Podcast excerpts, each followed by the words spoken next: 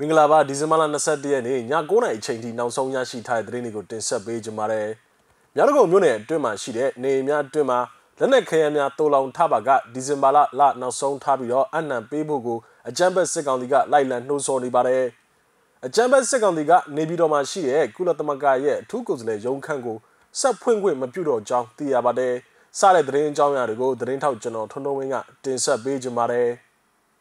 ။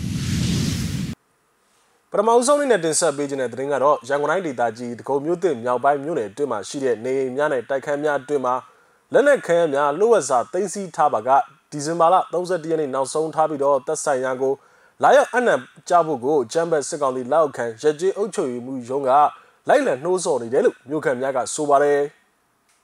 ဒီကနေ့ဒီဇင်ဘာလ21ရက်နေ့ညနေပိုင်းအချိန်ကရင်းကဲသို့လိုက်လံနှိုးဆော်နေခြင်းဖြစ်ပြီးတော့အချို့ရက်ွက်များအတွင်းခွေးပြစ်ရှူတိုက်လွတ်ခြင်း၎ င်းတို့နှိုးဆော်နေတဲ့အတန်ကိုဖုံးသွားအောင်စောင်းပေါက်အတန်ချက်ဆက်ပြတချင်းဖွင့်ခြင်းများပြုတ်လောက်ကပြန်လည်ခြေပတ်ကြတယ်လို့ဆိုပါတယ်၎င်းတို့ရဲ့ကြေညာချက်ထဲမှာအကြမ်းဖက်အဖွဲ့အစည်းများဖြစ်ကြတဲ့မျိုးသားညီညွတ်ရေးဆိုရ NUG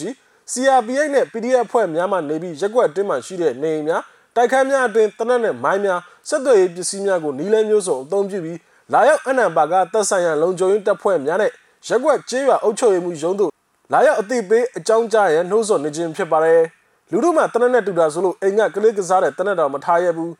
ဘူးမသိဘာမသိနဲ့တနက်ဆောင်ထားတဲ့ပြောမှဆိုးလို့ရန်ကုန်မြို့လုံးမြို့နယ်အစုံမှာသာလက်နဲ့ရောက်ရင်မြို့သိမ်းတိုက်ပွဲကသူတို့ကြီးညာကြီးအောင်ရလိုက်မှာမဟုတ်ဘူးအခုဟာကသူတို့ကိုယ်တိုင်နောက်ကျောမလို့လို့ဖျဲချောက်တဲ့သဘောပါလို့မြို့နယ်တင်းမှာနေထိုင်သူတူကဆိုပါတယ်အကြမ်းဖက်သူများနဲ့မသက်ဆိုင်သူများအားမလိုလားအပ်တဲ့တရားဥပဒေအရရင်ဆိုင်မှုများမရှိစေရအတွက်လာရောက်အသိပေးအနံ့ကြရန်တတ်မှတ်ရအတွင်းလာရောက်မအနံ့ပါက တည်ဆဲဥပဒေများနဲ့အညီရေးယူသွားမယ်လို့ရကြေအုပ်ချုပ်ရေးမှူးရုံးကနှိုးဆော်နေခြင်းဖြစ်ပါတယ်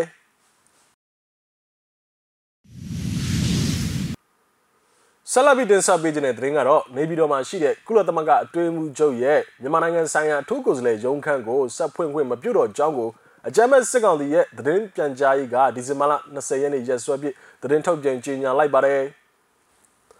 အဆိုပါရုံးခန့်ဟာကုလသမဂ္ဂနဲ့ပူးပေါင်းဆောင်ရွက်မှုကိုပြသရန် အယက်သားအစိုးရလက်ထက်2018ခုနှစ်ဒီဇင်ဘာလ9ရက်နေ့ကနေပြည်တော်မှာစတင်ဖွင့်လှစ်ခွင့်ပြုခဲ့တဲ့ရုံးခန်းလည်းဖြစ်ပါတယ်မြန်မာနိုင်ငံဆိုင်ရာအထူးကိုယ်စားလှယ်မစ္စခရစ်စတင်ရှာယနာဘဂနာရဲ့တာဝန်ပြီးဆုံးပြီဖြစ်တဲ့အတွက်ဆိုပါရုံးခန့်ကိုမြန်မာနိုင်ငံမှာဆက်လက်မထားရန်ဆုံးဖြတ်ခဲ့ကြောင်းကိုချမ်ဘတ်စစ်ကောင်စီနိုင်ငံသားရေးဝန်ကြီးဌာနမှကုလသမဂ္ဂကိုဒီဇင်ဘာလ20ရက်နေ့ကအကြောင်းကြားခဲ့ခြင်းဖြစ်ပါတယ်ရုံးဆက်ဖွင့်ခွင့်မပြုတော့ကြောင်းစစ်ကောင်စီရဲ့အကြောင်းကြားမှုအပေါ်မှာတော့လက်ရှိအချိန်ထိ ကုလသမဂ္ဂအနေဖြင့်တစုံတရာတုံ့ပြန်မှုမရှိသေးပါဘူးမြန်မာနိုင်ငံဆိုင်ရာထုကိုစလဲဆွစ်ဇာလန်နိုင်ငံသူမစ်ခရစ်စတင်ရှာယနာဘဂနာကပြီးခဲ့တဲ့2021ခုနှစ်အော်တိုဘာလအကုန်မှာလုပ်ငန်းတာဝန်တွေပြီးဆုံးခဲ့တာဖြစ်ပါတယ်မြန်မာနိုင်ငံဆိုင်ရာထုကိုစလဲတစ်ဖြစ်စင်ကာပူနိုင်ငံသူမစ်နော်လီဟေဇာကိုခန့်အပ်ကြောင်းကိုလည်းကုလသမဂ္ဂကအော်တိုဘာလ25နှစ်မှာကြေညာထားပါတယ်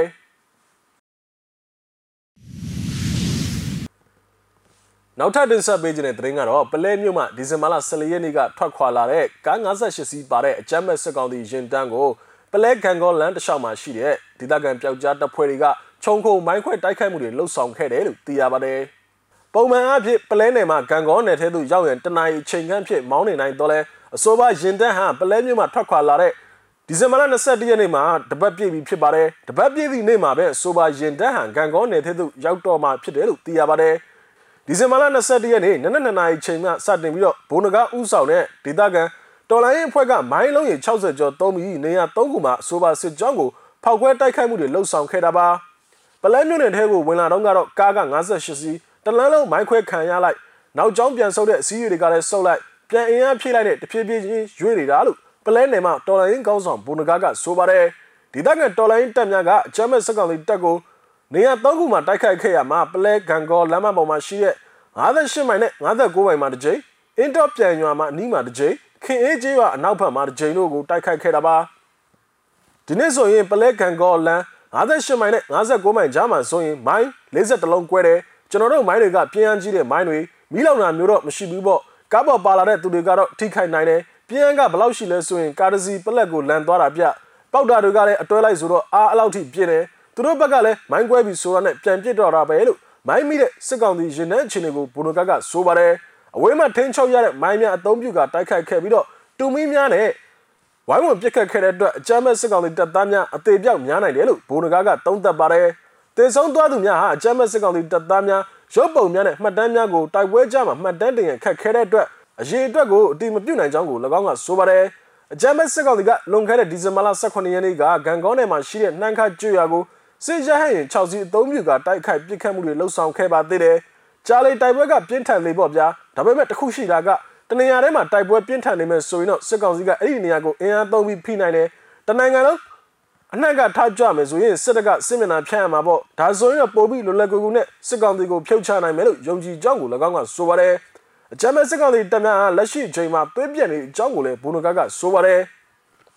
အရင်ထက်ကလက်ရုံးရည်နှလုံးရည်ယိုရွေးနေရကအခုပြည်သူနဲ့ဆန့်ကျင်ဘက်အလုပ်ကိုလုပ်ကြတာဒါကြောင့်လည်းပြည်သူကလက်နက်ကင်တော်လန်ရေးတွေကိုတွေးယူတွေးတန်းဂုံတိတ်ခမဲ့စွာနဲ့လေကြောင်းတွင်နဲ့ပြစ်ခတ်တာတွေလုပ်လာတာလို့ကျွန်တော်မြင်ကြောင်းကို၎င်းကဆိုပါတယ်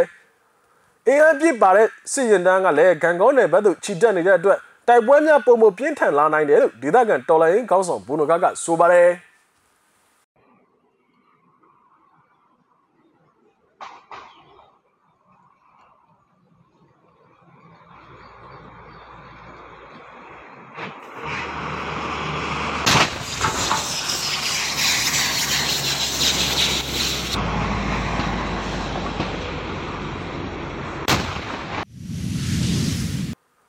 နောက်ဆုံးအနေနဲ့နိုင်ငံတကာသတင်းတစ်ပုဒ်ကိုတင်ဆက်ပေးကြပါမယ်ချီလီနိုင်ငံမှာလက်ဝဲဝါဒီဘော်ရစ်ကိုသမ္မတအဖြစ်ရွေးချယ်တင်မြှောက်လိုက်တယ်လို့နိုင်ငံတကာသတင်းတွေအရသိရပါတယ်အပြည့်စုံကိုတော့မြစည်းမသတင်းဌာနကတင်ဆက်ပေးထားတာပါနားထောင်ကြည့်ရအောင်ပါ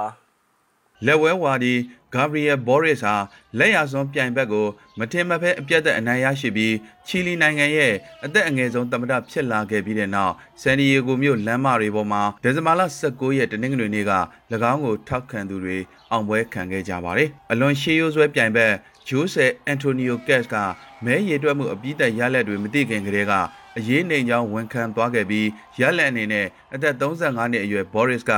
မဲ56ရာခိုင်နှုန်းရရှိခဲ့ပြီး၎င်းက44ရာခိုင်နှုန်းပဲရရှိခဲ့ပါတယ်။ကက်စ်ရဲ့ခွင့်ပြုချက်ရယူပြီးတဲ့နောက်ထောင်နဲ့ချီတဲ့ချီလီနိုင်ငံသားတွေဟာမြို့တော်နဲ့အခြားမြို့တွေရဲ့လမ်းမတွေပေါ်ကိုထွက်ပြီးအောင်ပွဲခံတဲ့အနေနဲ့ကားဟွန်းတွေတီးတာဘော်ရစ်လိုလားတဲ့ post card တွေကိုကန်ဆောင်ပြီးမိရှုမိပန်းတွေပြစ်လွတ်ခဲ့ကြပါတယ်။ဝန်တာပီတီဖြစ်ရပါတယ်။ဝန်တာအားရနဲ့ငွေရပါတယ်။ဖက်စစ်ဝါဒကိုထိုးနှက်နိုင်ခဲ့ပြီလို့စေဝန်ထမ်းတူဖြစ်တဲ့အသက်45နှစ်အရွယ်ဂျန်နီအန်ရီကိုစ်က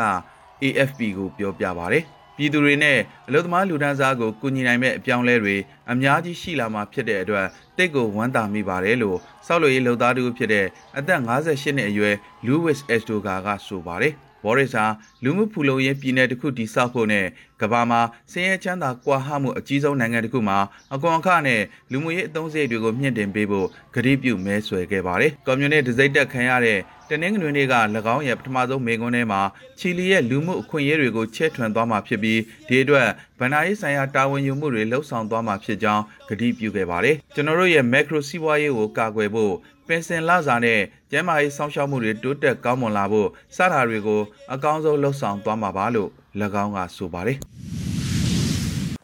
ဟုတ်ကဲ့ပါဒီဇင်ဘာလ21ရက်နေ့ည9:00နာရီချိန်ထိနောက်ဆုံးရရှိထားတဲ့သတင်းတွေကိုကျွန်တော်တို့မျိုးစီမှာဝိုင်းတော်သားများကနေပြီးတော့တင်ဆက်ပေးခဲ့တာပါမြန်မာပြည်နဲ့မှာနေထိုင်တဲ့မိဘပြည်သူတွေအကုန်လုံးဘေးရန်နဲ့ကင်းရှင်းကြပါစေလို့ဆုမကောင်းတောင်းပန်ပါတယ်လက်ရှိဖြစ်ပွားနေတဲ့ COVID-19 ကပ်ရောဂါနဲ့ပတ်သက်ပြီးအထူးကူးစိုက်ကြဖို့ကိုကျွန်တော်တို့မျိုးစီမှာဝိုင်းတော်သားများက တိုက်တွန်းနှိုးဆော်ခြင်းပါတယ်နောက်ထပ်ရရှိလာမယ့်သတင်းတွေအတူတူကျွန်တော်တို့ပြန်လာခဲ့ပါမယ်